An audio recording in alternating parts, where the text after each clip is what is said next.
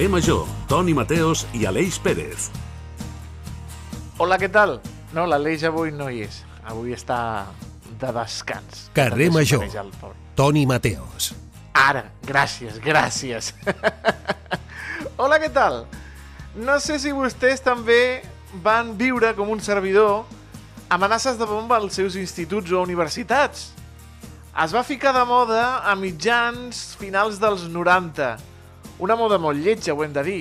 Trucar a la secretaria dels instituts, amenaçant amb l'explosió d'un artefacte en nom d'alguna banda terrorista, ja sigui ETA, Terra Lliure o el Grapo.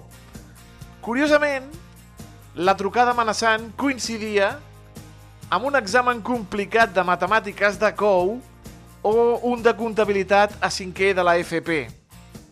Les modes tornen, amics i amigues, perquè aquest matí una vintena de centres educatius privats, quan han sentit a la informació, s'han aixecat amb, el, amb un mail amenaçant d'artefactes bomba. Immediatament, molts han tancat per seguretat, com el Liceu Francès de Reus o la Sócrates Educa International School de Salou. Mossos, després de descartar l'existència d'explosius, continuen amb la investigació sobre aquesta falsa alarma, però creuen que es tracta d'una bretolada. Ja veuen, amics, als centres més privats, exclusius i cars, també hi ha bandarres i bromes pesades. Aquí al carrer Major, jo els recomano que truquin a Mossos, amics i amigues, perquè combinar cada tarda 8 emissores del Camp de Tarragona, com Ràdio Hospitalet de l'Infant, la nova ràdio de Reus, Baix Camp Ràdio, Ràdio La Selva del Camp, Ràdio Montblanc, Hora a la Torre, Altafulla Ràdio i Ràdio Ciutat de Tarragona amb la xarxa pot donar un còctel explosiu d'actualitat, entrevistes, col·laboradors, bon humor i millor ràdio, que es diu Carrer Major. I el cap d'aquesta operació terrorista és en Iago Moreno, que està al control tècnic. Els parla un terrorista de les zones, Antoni Mateos. Fem que esclati la tarda. Benvinguts a la ràdio. Cada tarda de dilluns a divendres fem parada a Carrer Major. What is your relationship with truth, ladies and gentlemen? Would you categorize my words, this concert, me standing here in front of you, speaking to you right now, as truth? Perhaps if we take me out of the equation, we will get an answer in the purely ambient sound. This is the real ambient sound. Let's eliminate any external factors and go further. Curb your desire to understand what is William talking about. El músic ballenc Robert Gerard va néixer l'any 1896. De pare suís i de mare alsaciana, va haver d'emigrar al Regne Unit després de la Guerra Civil, on va aconseguir la nacionalitat britànica i va desenvolupar gran part de la seva carrera, mentre el règim de Franco tractava d'invisibilitzar-lo. Va morir a Cambridge l'any 1970, una vida de pel·lícula, o com diuen ara els joves, una vida de memes. Doncs així ho han vist els artistes multidisciplinars, compositors multimèdia, i així va néixer Variaciones sobre un tema de Robert Gerard. Avui parlem amb aquests músics, amb aquests experimentadors, amb aquests bojos, a l'Òscar Escudero i a la Belenish Moreno Gil, que els tenim a l'altre costat de la videotrucada y al saludem. Óscar Belenis, buenas tardes, bienvenidos. Hola, ¿qué tal? Buena tarde. Buena tarde. El catalán, ¿cómo lo lleváis? Te entendemos, te entendemos. Hablaré Ah, bueno. en castellano. Perfecto, perfecto, perfecto. Eh, vamos a definirnos. ¿Quién es Óscar y quién es Belenis? Bueno, eh, pues por separado somos dos cabezas pensantes que eh, dos eh, bueno artistas eh, de tradición, digamos, de educación clásica. Venimos del conservatorio. Yo estudié oboe y, comp- y con- y composición Eh, y bueno, en un momento dado nuestras carreras eh, se unieron y comenzamos a trabajar juntos ya hace seis años, ¿verdad? Pero bueno, eso mejor lo hablamos después. y yo soy Belenish y mm, estudié musicología y canto también en el Conservatorio de la Universidad de Granada y efectivamente pues ya, ya por 2018 empezamos a componer juntos muchos años de trabajo en el extranjero, muchos premios, muchos reconocimientos, pero Belenish, Oscar, qué difícil es ser profeta en, tu tierra, ¿no? A veces. Efectivamente, y mira que, nosotros no nos podemos quejar, ¿eh? Em, aunque eh, es cierto que, eh, ya metiéndonos en materia, al igual que le pasó a Gerard, em, siempre, normalmente, nos suele pasar que no estrenamos en aquellos lugares de los que procedemos. Yo nací en Alcázar de San Juan, esto está en Ciudad Real, Belenis nació en Jerez de la Frontera, en Cádiz. Y, bueno, es cierto que mm, siempre los encargos, en nuestro caso al menos, suelen venir de Centro Europa. Pero bueno, más tarde o más temprano solemos trabajar en, el Estado español. Eh, os gusta combinar partituras con vídeos, con electrónica. ¿Estos son los artistas musicales del, siglo XXI?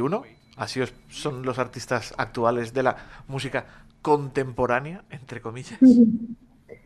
Sí, em, no sé si todos, porque tampoco vamos, si decimos eso, excluiríamos a otras personas que están componiendo actualmente y que que no componen eh, más allá de lo que podríamos decir eh, la parte musical, pero sí que por eso nosotros a veces nos denominamos post-compositores, por un poco así rizar el rizo y, y, de una manera un poco divertida, ahora que todo es post y que la palabra post también, como comentabas, es una especie de meme, eh, llamarnos así, pues implica, entre, entre otras cosas, pues componer pensando en todo lo que todo lo que podemos tener en cuenta cuando ponemos una obra en el escenario, ¿no? No solo efectivamente la música, los instrumentos en acústico, sino también la electrónica, el vídeo, el media mapping, la identidad de los intérpretes, etcétera. Por ejemplo, en esta obra eh, que estáis poniendo de fondo, que se llama casualmente, o no tan casualmente, Post, em, hay un narrador en, inglés que, que, hemos escuchado al principio, William Coleman, el violista del cuarteto Kuss, un cuarteto alemán, eh, básicamente, em, claro, esta obra, dependiendo de qué cuarteto eh, de cuerda la interpreta, em, cambia totalmente. No solo es una cuestión actoral, no solo cambia la voz de la persona, sino que hay eh, datos que hacen mención a la aquí, a la hora en donde esa obra se está interpretando, que cambia. Esta obra, Post, tiene un programa de mano obligatorio para el público que lo va siguiendo durante toda la pieza. Entonces, bueno, un poco como decías, la partitura puede incluir, es lo suficientemente flexible, se puede estirar lo suficiente como para incluir todos estos elementos de los que estamos hablando. ¿Cómo surgió este encargo de las variaciones de Robert Gerard? Creo que coincidiendo con el 50 aniversario de su muerte, que fue en el 70, y también con el 160 aniversario, aniversario 150 aniversario de su nacimiento, ¿no? Más o menos fue, fue una combinación de fechas, ¿no? Sí, 125 del nacimiento en 2021. Fue una doble efeméride. Em, entre, o sea, en 2021 se cumplieron 125 del nacimiento, en 2020 50 eh, de la muerte. Esos dos años fatídicos para hacer cualquier cosa. Eh, sí, pues vaya, vaya años. vaya años para nacer, para morirse, para cualquier cosa, para conmemorar cualquier cosa. Por eso es, cierto que, las efemérides de, Gerard quedaron un poco mm, extrañas, extrañas. Pero bueno, esto fue un encargo de la Embajada de España en Alemania, eh, que quería unir al cuartet Gerard, eh, eh, bueno, muy conocido y, muy arraigado, sobre todo a Tarragona, porque ellos viven allí desde hace unos años. Eh, es muy curioso porque nosotros vivíamos en Berlín, al igual que ellos, y en la pandemia volvimos. Bueno, ellos volvieron a, Tarragona, nosotros estuvimos un tiempo viviendo en Granada. Eh, y, nada, fue la embajada la que tuvo la idea de unirnos y, hacernos este encargo para ser estrenado en el Festival de las Artes de Weimar en septiembre de 2021. ¿Cómo fue trabajar conjuntamente vosotros dos y este el, cuartet Gerard, este cuarteto de, de violines? ¿Cómo fue ese trabajo en conjunto? Pues fue una maravilla porque ellos son no solo eh, grandes intérpretes, grandes artistas, porque no es lo mismo ser intérprete que artista, y ellos lo son, sino que también tienen una calidad humana increíble, entonces conectamos muy, muy rápido, eh, sobre todo también por el amor a, a Gerard, ¿no? a la figura del compositor, porque ellos obviamente tienen también su nombre porque de alguna manera lo valoran y, y lo consideran una figura eh, muy reseñable eh, para la cultura. Entonces, pues fue muy fácil trabajar con ellos, muy sencillo y súper enriquecedor porque en todo este proceso de hacer la obra, eh, nosotros fuimos descubriendo y desentrañando como pequeñas anécdotas, pequeños misterios en torno al compositor y fue muy divertido compartirlo también con ellos porque eh, ambos desconocíamos ciertas facetas o ciertas curiosidades y fue muy enriquecedor, la verdad.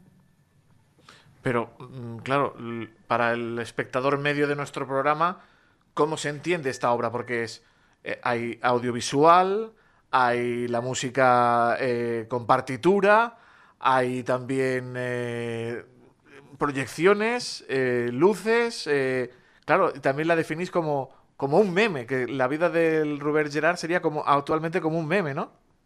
Claro, eh, lo que decimos es que si somos completamente, digamos, eh, si, extremamos un poco qué es Gerard a día de hoy, son datos.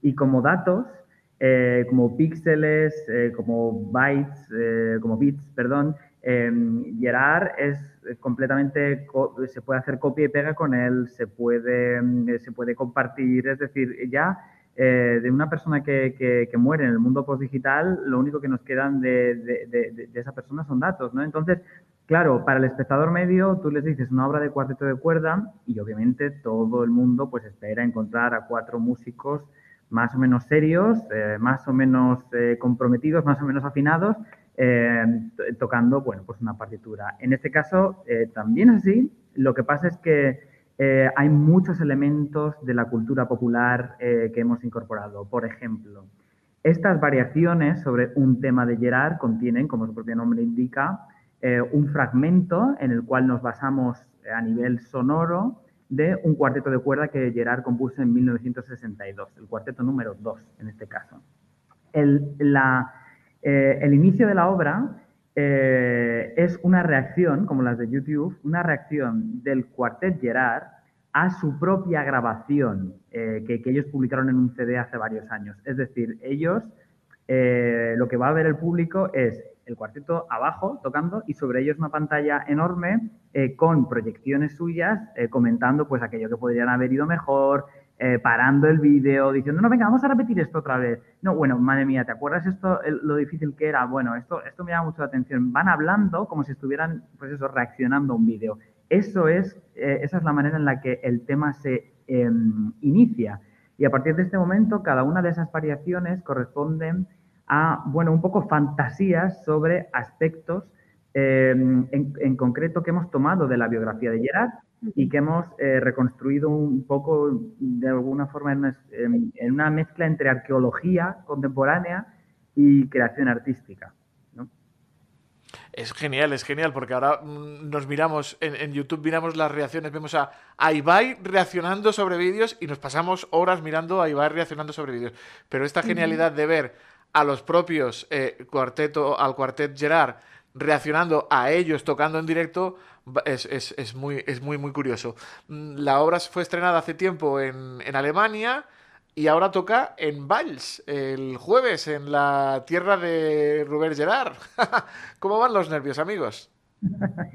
Pues eh, estamos muy nerviosos porque, claro, eh, no sabemos cómo, cómo se va a acoger la obra. Esperemos que, que muy bien Eh, pero por otro lado también estamos súper contentos porque la verdad es que se han volcado con, con nosotros, tenían muchas ganas de que hiciéramos la obra y para nosotros es súper, súper importante que se haga en Vals. Eh, más concretamente, más allá de Cataluña, que se haga en Vals tiene un, un, un cariño y un amor y un afecto porque hay un trocito que podemos desvelar de, de dentro del vídeo en el que en el que sale Vals, ¿no? Entonces, todavía creo que tiene más carga emotiva eh, hacerlo allí y, para el cuartet también es muy, es muy importante poder hacerlo, digamos, en, en, la casa, ¿no?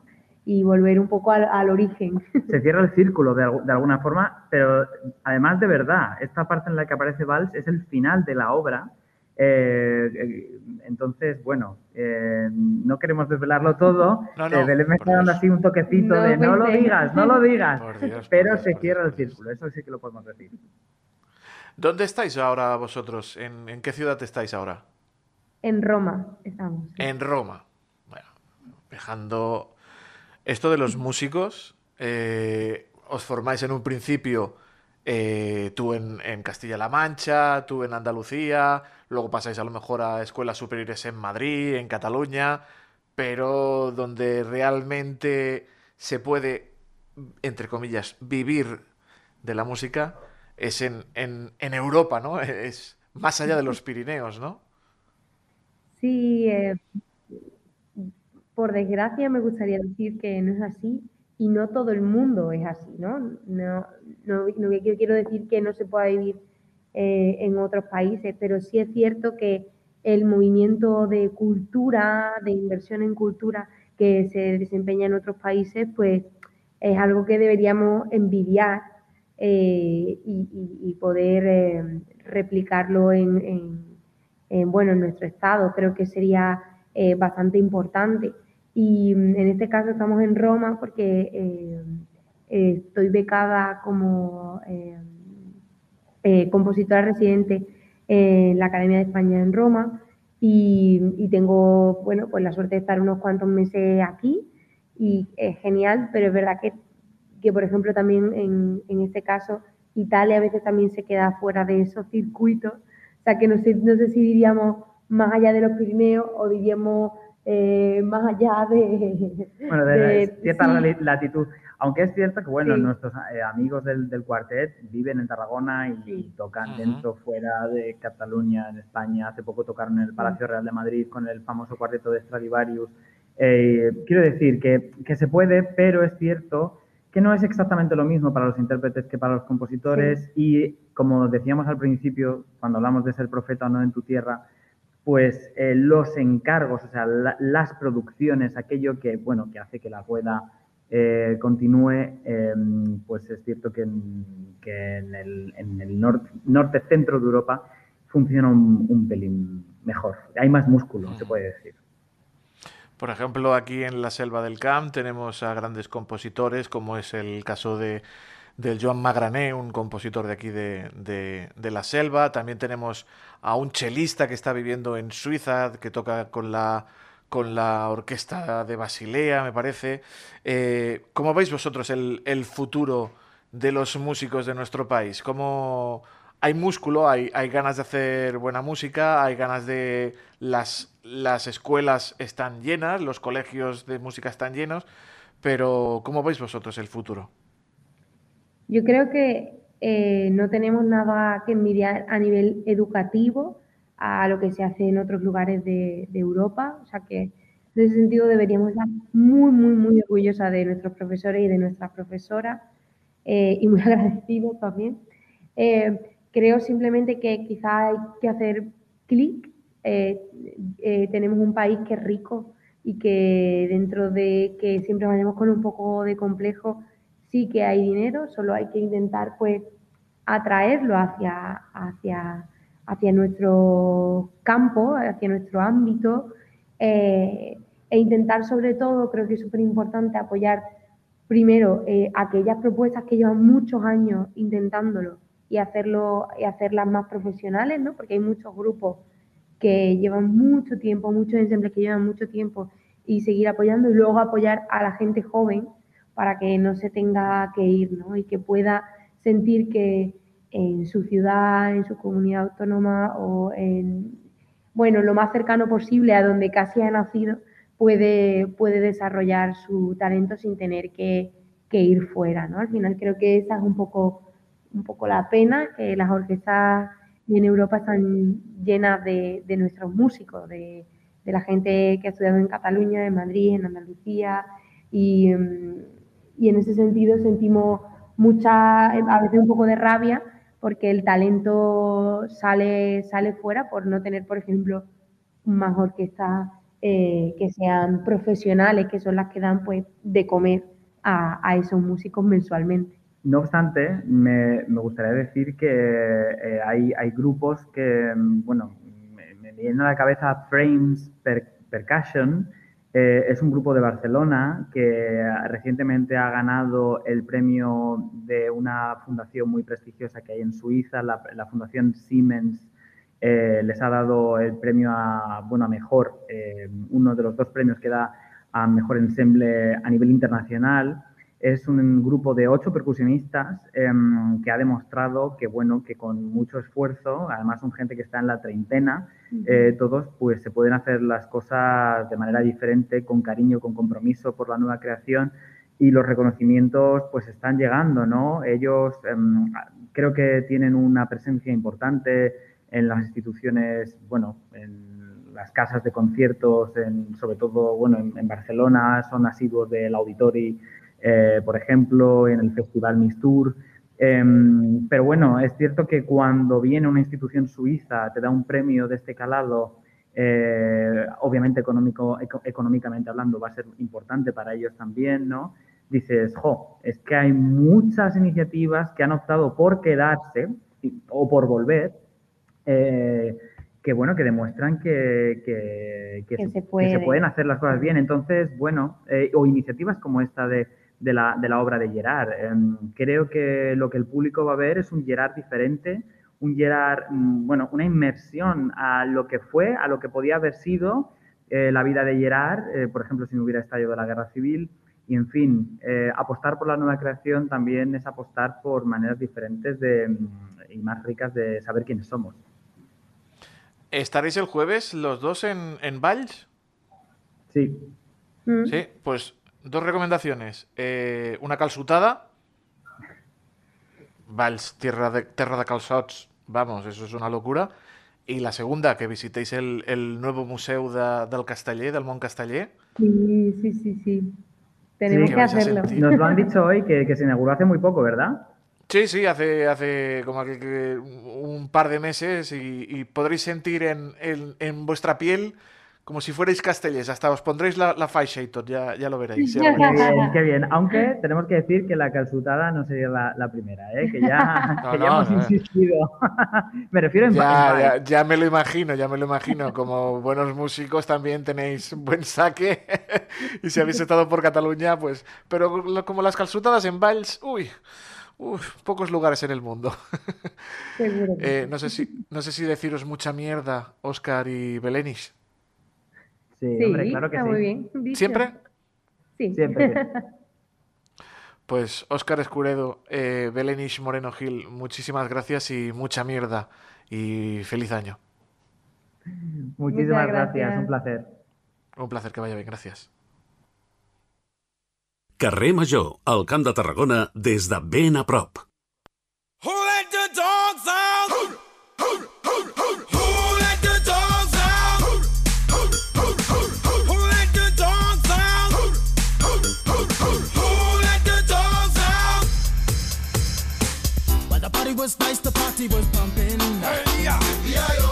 And everybody having a ball. Until the fellas started in calling. És, és, és més viatgera. Arriba el Nadal, amics i amigues, una època de l'any on les mascotes tenen molt, molt de protagonisme. De sobte, a casa, el Pare Noel, el Tió o els Reis d'Orient porten de regal un nou habitant a la llar. I aquest habitant és ben diferent, és pelut, i no parla el nostre idioma. Però cal recordar que no és una joguina, sinó una vida i una gran responsabilitat. Per parlar d'aquest tema tan delicat tenim, com sempre, a la nostra veterinària de capçalera, la Maribel Martínez, que la veiem al volante del, de su cotxe, del, del seu uh, mòbil. Maribel, bona tarda. Hola, molt bona tarda. Què tal? Com estàs? En marxa. En marxa, Bé, com bé. sempre, escolta. Sí que, sí que. Ma Maribel, un gos, un gat, un conill, un lloro, una serp... No són una joguina, veritat? No. Un, un ésser viu no és ni una joguina ni un regal. Ni un regal, eh? Perquè realment hi ha d'haver molt de consens, hi ha d'haver molt, molt molta reflexió prèvia, moltes coses que, que si, si fas aquest tipus de regal és, és més que probable que, que alguna cosa falli. Que amb això no vull dir que falli sempre i que potser algú de, que ens està escoltant té un- una bestiola que li van regalar un any per, no sé, per Nadal o per Reis o per Papa Noel o el que sigui i, i l'ha tingut un munt d'anys i tot està bé, però um, són, són casos bastant puntuals. La realitat és una altra. El que el nen o la nena s'encapritxi de que vull un gos, vull un gosset, vull un gosset, i els pares perquè calli, entre cometes, o perquè la nena estigui contenta o el nen estigui content, li compren i arriba després els problemes i els mals de cap, no?, a, a cases. Bueno, és que això... Tu, mira, això et faré un símil i, i a veure què sembla, això. Mira, um, uh, abans de, de tenir una bestiola, to, tots els components d'una família i, i, i bueno, tota la gent que viu allà en aquella casa s'han de seure un dia i s'han de posar d'acord mm, amb quin tipus de vida porten, qui- quin temps li podran dedicar a aquesta bestiola, quanta gent quantes hores s'haurà de quedar sol. La, realitat és que abans de tenir una bestiola has de pensar potser el que faràs els propers 10 anys de la teva vida. I, i perquè és més o menys el que, el que, de mitja el que poden durar, d'acord? Llavors, els propers 10 anys de la teva vida, ara em direu, pues no, pues, pues, hòstia, això no ho sap ningú, el que farà els propers 10 anys de la vida. Però, però bueno, almenys eh, t'has de plantejar què, què passaria si els propers 10 anys canvies coses de la teva vida, canvies... Ara està molt de moda, eh? pues, pues, anar-se'n a estudiar fora, o anar-se'n a treballar un temps no sé on, o, o jo què sé, o, o si és possible que puguis haver de canviar de feina, de casa, mm, totes aquestes coses, vale? que si tindràs, jo què sé, per dir alguna criatura, tot, s'ha de sospesar tot. I llavors, mm, mm, una vegada ho tens tot sospesat, pues, decidir si dones el pas o no dones el pas. I, i a ningú se li ocorreix, no?, pensar, bueno, mira, saps què, és igual, no? tot això no ho penso i després en funció de com em vagi la vida i com em vagin els canvis, ja decidiré. A què quan decideix una família tenir un fill, pensen, vale, doncs a partir d'ara les nostres vides canviaran i, i haurem d'anar adaptant tot i, i, i ja que en cap cas penses, bueno, si la cosa no va bé, ja el donaré. Ah que no? Ja ah el que no? tornaré, O ja- ja el no, portaré una exacte. protectora. Ah que tampoc? Exacte.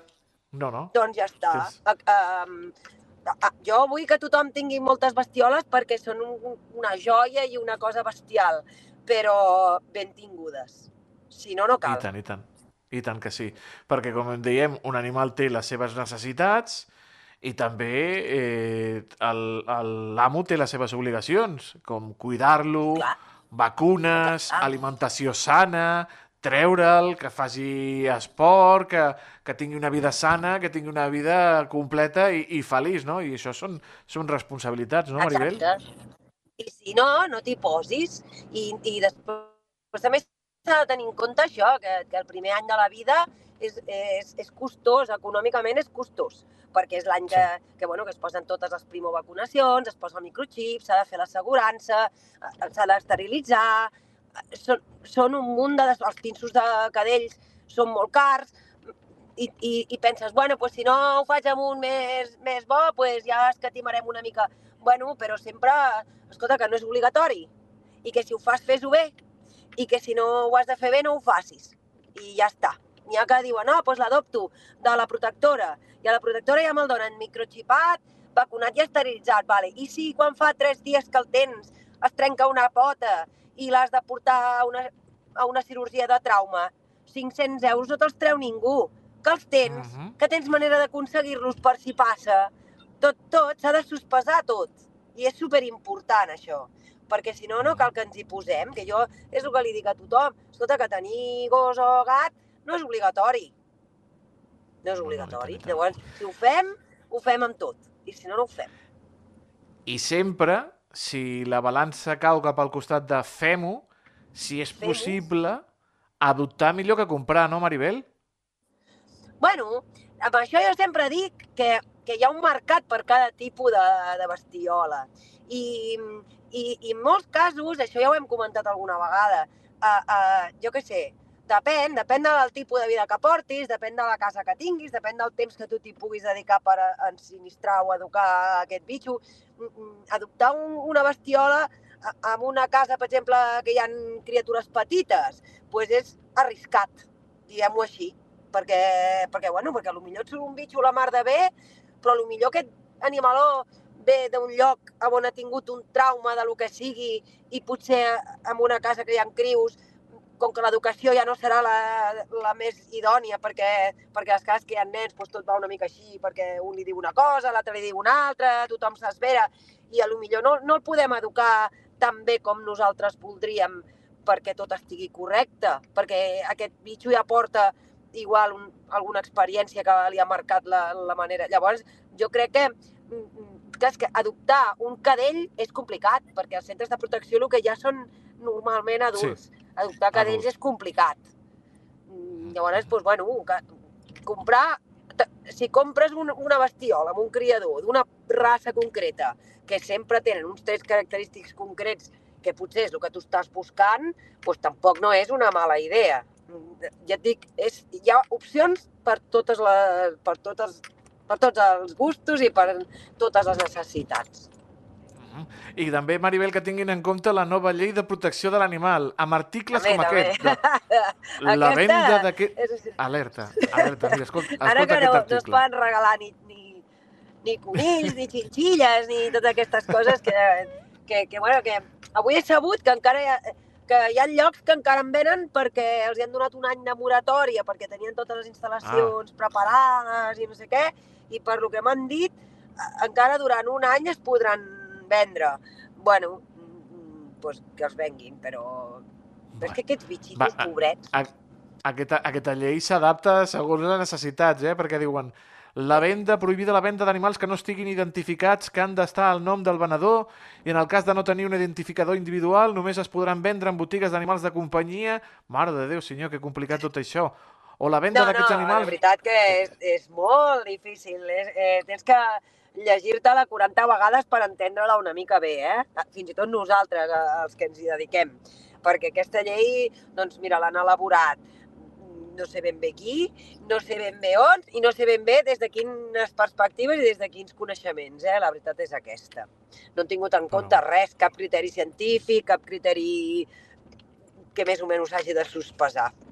És, de veritat que és una mica de drama, tot plegat. En, Però bueno, en fi, en fi es, esperem que els consells que ens ha donat la Maribel, eh, que ens ho pensem molt bé, que pensem que adoptar o comprar un gos o un gat és com tenir un fill, que després el nen no el pots tornar, diguis, ah, que torni a la panxa. No, no, no, aquí no, no tornarà a la panxa, aquí no hi ha la possibilitat de retornar-los a...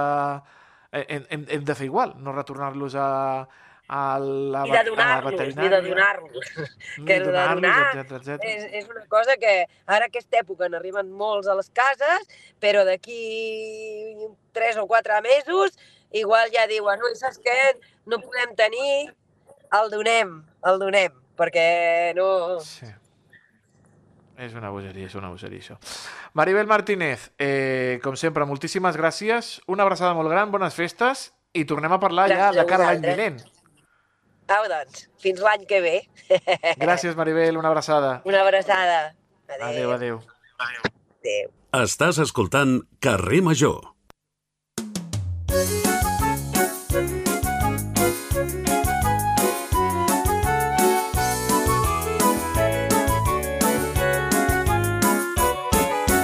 Traigo noticias todos los días, debo informar lo que pasó. Soy periodista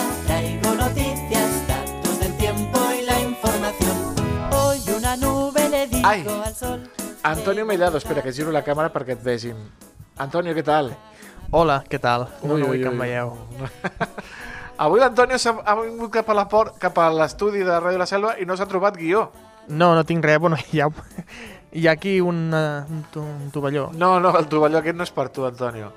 És que avui els Toni serà una secció curteta i especial perquè volem parlar dels Premis Joan Marc Salvat. Ah, L'Antonio, amics i amigues de Carrer Major, a mi no m'havia dit res fins al mateix divendres. i tenies coses a fer i no vas poder venir. I tenia... co- Clar, si ho arribo a saber, Clar, me clar, compro el, el, ma- li dic a la del Matalàs, escolta'm, eh, ja vindré a buscar-lo demà, però clar, l'havia d'anar a buscar divendres. A la... Què va passar divendres, Antonio? Que et van, a banda de, de, de, dels Premis Joan Marc Salvat, entre els premiats hi havia l'Andreu Rauet, Sí, Salvatà, també. Salvatà, el primer premi, hi havia la nostra estimadíssima Anna Fortuny, premi Exaequo, segon premi Exaequo, també hi havia el... L'Artur Bages, Artur Bages, pel i- podcast Molt de Show, molt de show, de la nova ràdio, col·laboradora de Carrer Major, també. correcte, però el premi a la trajectòria li van donar a este senyor d'aquí. Doncs sí, eh, molt agraït que em reconeguessin la feina. Felicitats, Antonio, felicitats. Moltes gràcies, Toni Mateos. Doncs sí, el que deia, doncs agraït, no?, que em, em reconeguessin una mica la feina que estem fent des dels mitjans locals, perquè a vegades som els grans incompresos, els mitjans locals, però alhora som els més necessaris per explicar el que està passant doncs, a, a, com a més pròxim millor. I doncs això doncs, em va fer molta il·lusió que, que doncs, eh, em distingissin per la trajectòria professional, pel fet d'haver assumit ara el càrrec de Canal Camp i de Ràdio La Selva, cosa que, bueno, porto mig any ja i bé, tenim alguns projectes en ment que també es van dir en l'acte i, i bé, doncs, eh, a seguir treballant, no? Perquè això, bueno, és, una, és un reconeixement necessari, però s'ha de seguir, s'ha de seguir treballant amb un pas de formiga i alhora, però, deixant-hi bastant la pell, perquè és un ofici que és molt vocacional, també. Qui t'ho va dir? Qui et va trucar eh, de, de la, de, d'això? Et van dir, escolta'm, Antoni, hem pensat en tu. Dius, ostres, Sí, eh, van pensar en mi, em van- m'ho van comunicar i, clar, primer doncs te, te, te sobta una mica, no? Dius, ostres, i jo m'ho mereixo, però sí, Toni, ens ho mereixem, ens ho hem de Sí, creure, perquè sí, si home. no, ningú, ningú ens ho dirà. I, i res, doncs em va fer molta il·lusió i, i sobretot que se'm reconegués també en els Premis Joan Marc Salvat, perquè doncs, jo crec que els Premis Joan Marc són, eh, són els principals premis per reconèixer el talent periodístic d'aquí les nostres terres i bé, mm, jo crec que, que va, va estar molt bé, va estar molt bé, Toni. Home, uh, tu vas ser el primer guanyador dels primers Premis Joan Marc Salvat. Sí, Fa uns quants anys vas guanyar tu. sí, sí. sí. Ara, tant uh, a la trajectòria, uh, amb, perquè ja els, els 27 anys ja, ja, ja, ja han passat, no, Antonio? Sí, han passat Ja, ja. han passat, eh? D'aquí ai, poc seran 27 anys cotitzats. Ja. que això passa molt ràpid, eh, la vida. Quin mal me va fer aquest comentari. I, i, i bueno, ens ho va fer un company d'aquí de Canal Camp. Sí, eh? sí, sí. Escolta, Va fer, va fer molt de mal. I, bueno, una, una entrega de premis eh, molt bonica, molt sentida.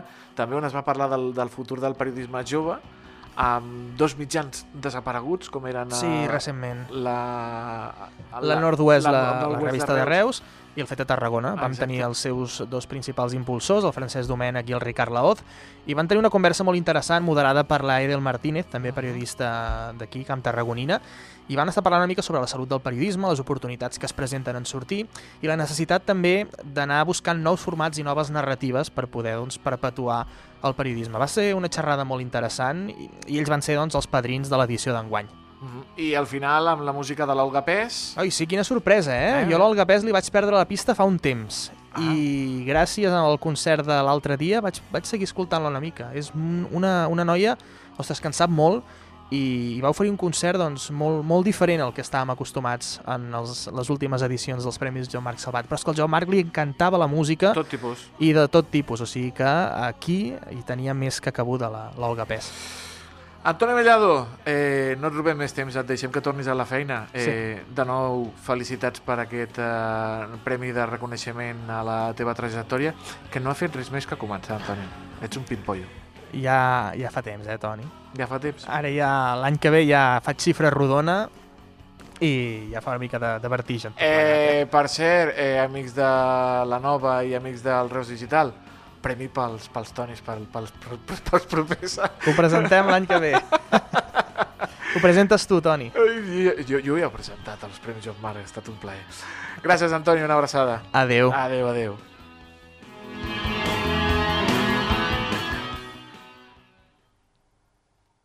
El valor del camp de Tarragona, carrer Major.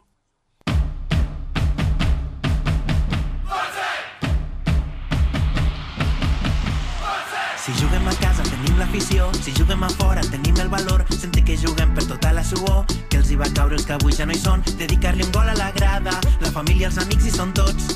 Si no em queden forces m'animen a seguir defensant els colors.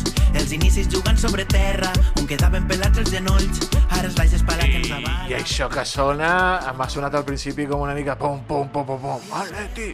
Bueno, a veure què ens explica el nostre estimat David Fernández des de la nova ràdio què és això que sona? David Fernández, bona tarda, estimat. Hola, Toni, molt bona tarda. Doncs ja ho pots escoltar. Avui fem parada a Falset, al Priorat, per escoltar un himne esportiu. Una cançó que ha estat composada per una banda d'aquest municipi de Falset, com són els Primera Cita, una gent de la qual n'hem anat parlant aquí al carrer Major. El 2021 editaven el seu primer disc, anomenat Salvatge. Enguany, aquest 2023, van editar Ikigai, el seu segon disc. I ara, doncs ahir mateix, el dia 17, van publicar Sempre endavant Falset Esportiu, que és aquesta cançó amb la que volen celebrar el centenari d'aquest club de futbol de Falset, que es va celebrar el passat dia 25 de novembre. Avui, doncs, escoltem la música ballable d'aquesta formació falsetana per tal de començar la setmana i per tal de celebrar aquesta efemèride esportiva, el centenari d'una entitat com el Falset Esportiu. Avui, doncs, els Primera Cita i aquesta cançó, sempre endavant, és la banda sonora del dia del carrer Major. M'agrada, m'agrada. Soni, que soni, que soni. Me la vida dins del camp representa el poble que m'ha vist fer gran.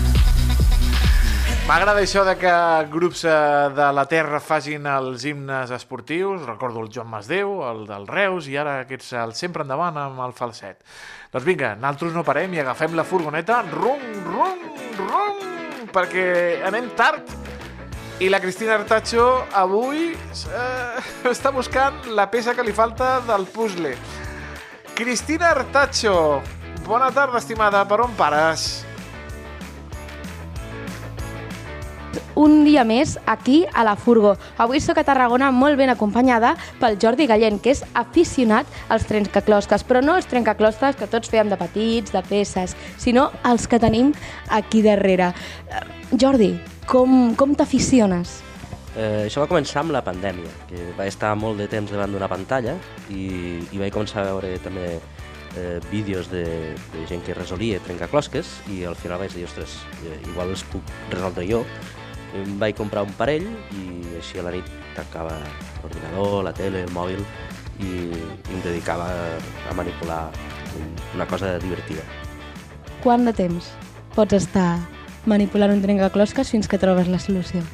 Ara, últimament, menys, però un dels primers, el segon, crec que va ser concretament, he estat un mes i mig treballant cada dia una estoneta, eh, 20 minutets, eh, i no el vaig resoldre. Vaig haver de demanar ajuda a algú que, que sapigués resoldre'l i finalment, finalment vaig poder, vaig poder obrir. Comentàvem no, que aquests trencaclosques no són els de peces, no? que tots hem vist més. No sé si ens pots explicar una miqueta quins tipus hi ha, eh, quines solucions hi ha... Sí, a mi els que m'interessen són, són els trencaclosques eh, que es diuen mecànics. Eh, hi ha diferents categories, classificacions, n'hi ha, ha uns que són els, potser els més habituals que, que coneixem, que són unes peces que han d'entrar en, un, en un espai. Doncs aquí hem d'aconseguir posar totes les peces dins. Eh, després n'hi ha amb figures també potser més reconeixibles com les del Tetris. Són figures així que han d'entrar en un espai també definit. Després hi ha un, una categoria molt, molt famosa, que agrada molt, que són les capses secretes. Eh, són, eh, tens una capsa que l'has d'aconseguir obrir. I què més hi hauria? Eh, hi hauria aquest tipus, que són, aquí es diu take apart, eh, són elements que s'han de treure d'un espai. Eh, eh, T'ho he dit en anglès perquè és que això sempre ho, ho parlo en anglès perquè és un món, eh, crec jo, eh, poc estès, o jo no conec a la gent que li agrada això de, de per aquí, de Catalunya. De fet, vaig obrir un, un Instagram justament per intentar comunicar-me i trobar gent amb aquesta mateixa afició i el que sí que he trobat és una gran comunitat eh, a nivell mundial que està molt ben coordinada, molt, tot molt, molt correcte, gent molt, molt educada, eh, però és tot en anglès. I que està bé, però, però trobo a faltar una mica poder-ne parlar en, en català d'això. I com t'introdueixes en aquesta comunitat precisament perquè no és que sigui ni aquí a Catalunya ni a Espanya tampoc? Sí. Mira, quan vaig comprar això, eh, eh, vaig comprar, això està comprat als Estats Units eh, amb, un, amb un taller que es diu Cubic Dissection i eh, el propietari, quan és la primera vegada que, que compres alguna cosa, et fa una carta personalitzada, dient, és, un, clar, és un taller artes, artesanal, totes aquestes peces són gent artesanalment construint, això no està fet en gran massa, en tinc alguns, eh, de, de així, grans produccions, de, però el que m'agraden, m'interessen més són aquests fets amb carinyo, a poc a poc, eh, i eh, em va enviar una carta de, dient, donant-me la benvinguda a la comunitat, i ostres, que, que bé, que maco. I dient-me, eh, hi ha moltes pàgines on que pots trobar informació i hi ha aquesta comunitat, que hi ha aquests grups de Facebook i també aquesta cosa que diu Discord. Jo ni idea del que era un Discord i, i bueno, vaig clicar a la icona aquella i, perquè em creia qui m'estava enviant això, no sé qui és i, i així vaig entrar al, a la comunitat aquesta. Sí. Dic que fas els trencaclosques, però també t'has llançat a la piscina de dissenyar-los. De fet, una de les raons per les quals estem avui aquí és perquè el Jordi ha estat premiat amb el cinquè premi en un concert, de, en un concert, en un concurs de disseny de, de trencaclosques. No sé com et vas, com vas arribar a participar en aquell concurs i si suposo una satisfacció gran, doncs el fet de guanyar un premi. Sí, la satisfacció, eh, evidentment, també la sorpresa, t'he de dir, perquè, bé, jo, el, eh, això va venir de, eh, que hi ha un, un, tota una corrent de gent que es compren impressores en 3D, eh, que és un, un suport que, que et preste a, a, a poder dissenyar i, a, i és relativament econòmic, relativament senzill, i hi ha molta gent que ho fa, hi ha molts arxius penjats a internet que són gratuïts i, i la gent pues, simplement s'imprimeix els seus trencaclosques i a mi el que em va passar és que jo vaig tenir una idea d'un disseny però jo no en sé d'imprimir en 3D, no tinc impressora i no tinc temps, perquè treball, soc professor de, de violoncel ara aquí al Conservatori de Tarragona i això omple, omple molta part de, del meu dia, de la meva setmana, i això està dintre d'una part del meu temps d'oci, i, i és una cosa que la vull gaudir, i ara no em veia jo aprenent com funciona una impressora, com se modela en 3D, i com... Llavors el que vaig fer va ser dir, saps què? Vaig a veure si alguna empresa eh, que faci, que doni aquest servei, que segur que algú hi haurà per aquí, o igual venen a Barcelona, però bueno, provem, Tarragona. Ho busco i, i me'n va sortir una a dos carrers de, de casa, Filarte 3D, vaig anar a parlar amb el David, li vaig ensenyar, va fer una cara estranya, t'he de dir, el primer dia, com, què vols fer, a veure això? I, i finalment, doncs sí, eh, va, va fer el primer modelatge, va fer la primera impressió que no va funcionar, després ho vam modificar, bla, bla, bla, i vaig aconseguir fer-ne un per mi, que és aquest, aquest va ser el primer, el primer que vam, que vam construir, i quan el vaig tenir fet, llavors vaig pensar, ostres, deixa'm-ho compartir amb gent que tenen impreses 3D i, i que se'l puguin imprimir, per, per veure què en pensen. El vaig compartir i eh, els va agradar i, de fet va haver un, un tester, un senyor a, a Bèlgica, que és un gran col·leccionista, que em va anar animant per a fer-ne per a fer-ne més, i n'he fet, he fet quatre d'aquest tipus, cinc dissenys, eh, i és com vaig, ell mateix m'ha dit, ostres, és que això està, està prou bé, eh? com, com per a, si vols presentar-lo al concurs. I vaig pensar, però, però què dius? Diu, sí, sí, tu presenta, ja veuràs. I el vaig presentar i va entrar a concurs, que era, era el que jo, la meva aspiració era això, que entrés simplement a concurs. Evidentment, eh, evidentment no, va entrar a concurs, que em vaig quedar eh, a quadros, i el, evidentment després no va guanyar res, perquè jo em, em dedico a la música. I això, doncs, bueno, està bé. El que va passar és que llavors vaig tenir una, una idea que resulta que va ser bastant bona i, i vaig tenir el temps i, i, i les ganes de, de desenvolupar-la amb el David i bueno, va portar set mesos de, de treball. Clar, com que és una part de, del meu oci i del meu hobby, no hi ha cap pressió de, de temps ni de... Doncs, bueno, si són dues setmanes o set mesos, doncs no, no hi ha diferència. Mentre m'ho passo molt bé i, i, i és la meva part de, de, de vida d'oci que, que la dedico a això. I això va ser amb aquest disseny, aquest disseny d'aquí, que és el Albus, i que té dos parts, té aquestes dues parts, la... i bé, no, no us ensenyaré massa les intimitats d'aquesta, però igual una mica, alguna part. Eh, aquí hi ha peces que veus que es mouen una mica, uh -huh. i Quin és l'objectiu d'aquest trencaclosques? L'objectiu te l'explico aquí amb la targeta. El primer objectiu és trobar la vareta màgica. Vale. I després hi ha més instruccions uh, dins del bagul. Però clar, el bagul està tancat. Llavors el que et forço és a trobar la vareta màgica i que després aconsegueixis obrir el bagul.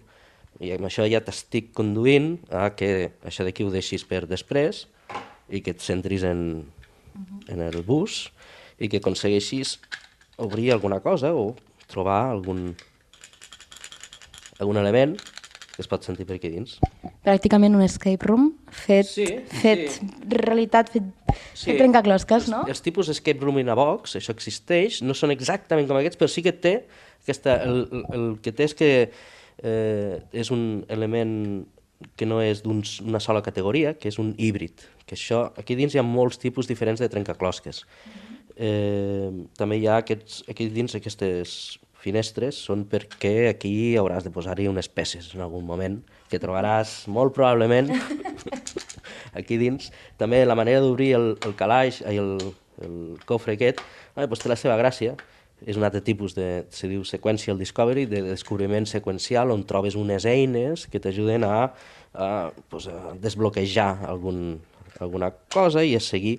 El, I el que, va, el que eh, em trobo jo que, que va sortir bé, que per això el vaig compartir, és que vaig trobar un fil conductor que més o menys tenia sentit, perquè al principi això era un caos d'elements i, de, i quan vaig trobar aquest, uh, aquest discurs, és, és quan vaig dir, ostres, va, compartim-lo. El vaig compartir amb, amb una gent de Praga, fent una festa, perquè pensava, ostres, és que això em costa molts calés a mi. Clar, jo li demano al David que m'imprimeixi, li pago al David, evidentment, i em costa molts calés d'imprimir. Dic, però si ho envio a una festa on hi hagi molta gent, doncs mira, tots alhora se poden anar compartint i, i el que va passar és que allí eh, hi va anar eh, un dels, de, des del jurat del concurs de l'any passat que li va agradar molt i ho va compartir amb la gent, i ostres, mireu aquest disseny, que... I, i bueno, a partir d'allí va anar corrent que, que era interessant, que... i així va ser, que al final dic, pues aquest també el presentaré al concurs i el vaig presentar i mira, va, va ser el cinquè. El, el, el tipus de, de classificació dels premis és una mica estranya, eh, en aquest concurs. Diguem-ne el cinquè, per, per, però és els, eh, els 10 eh, trencaclosques eh, més votats Cristina, Cristina, eh, t'hem de dir que el temps no ens encaixa, eh? Avui amb l'entrevista. Eh, tornem demà aquí al carrer Major. Moltíssimes gràcies. Fins demà.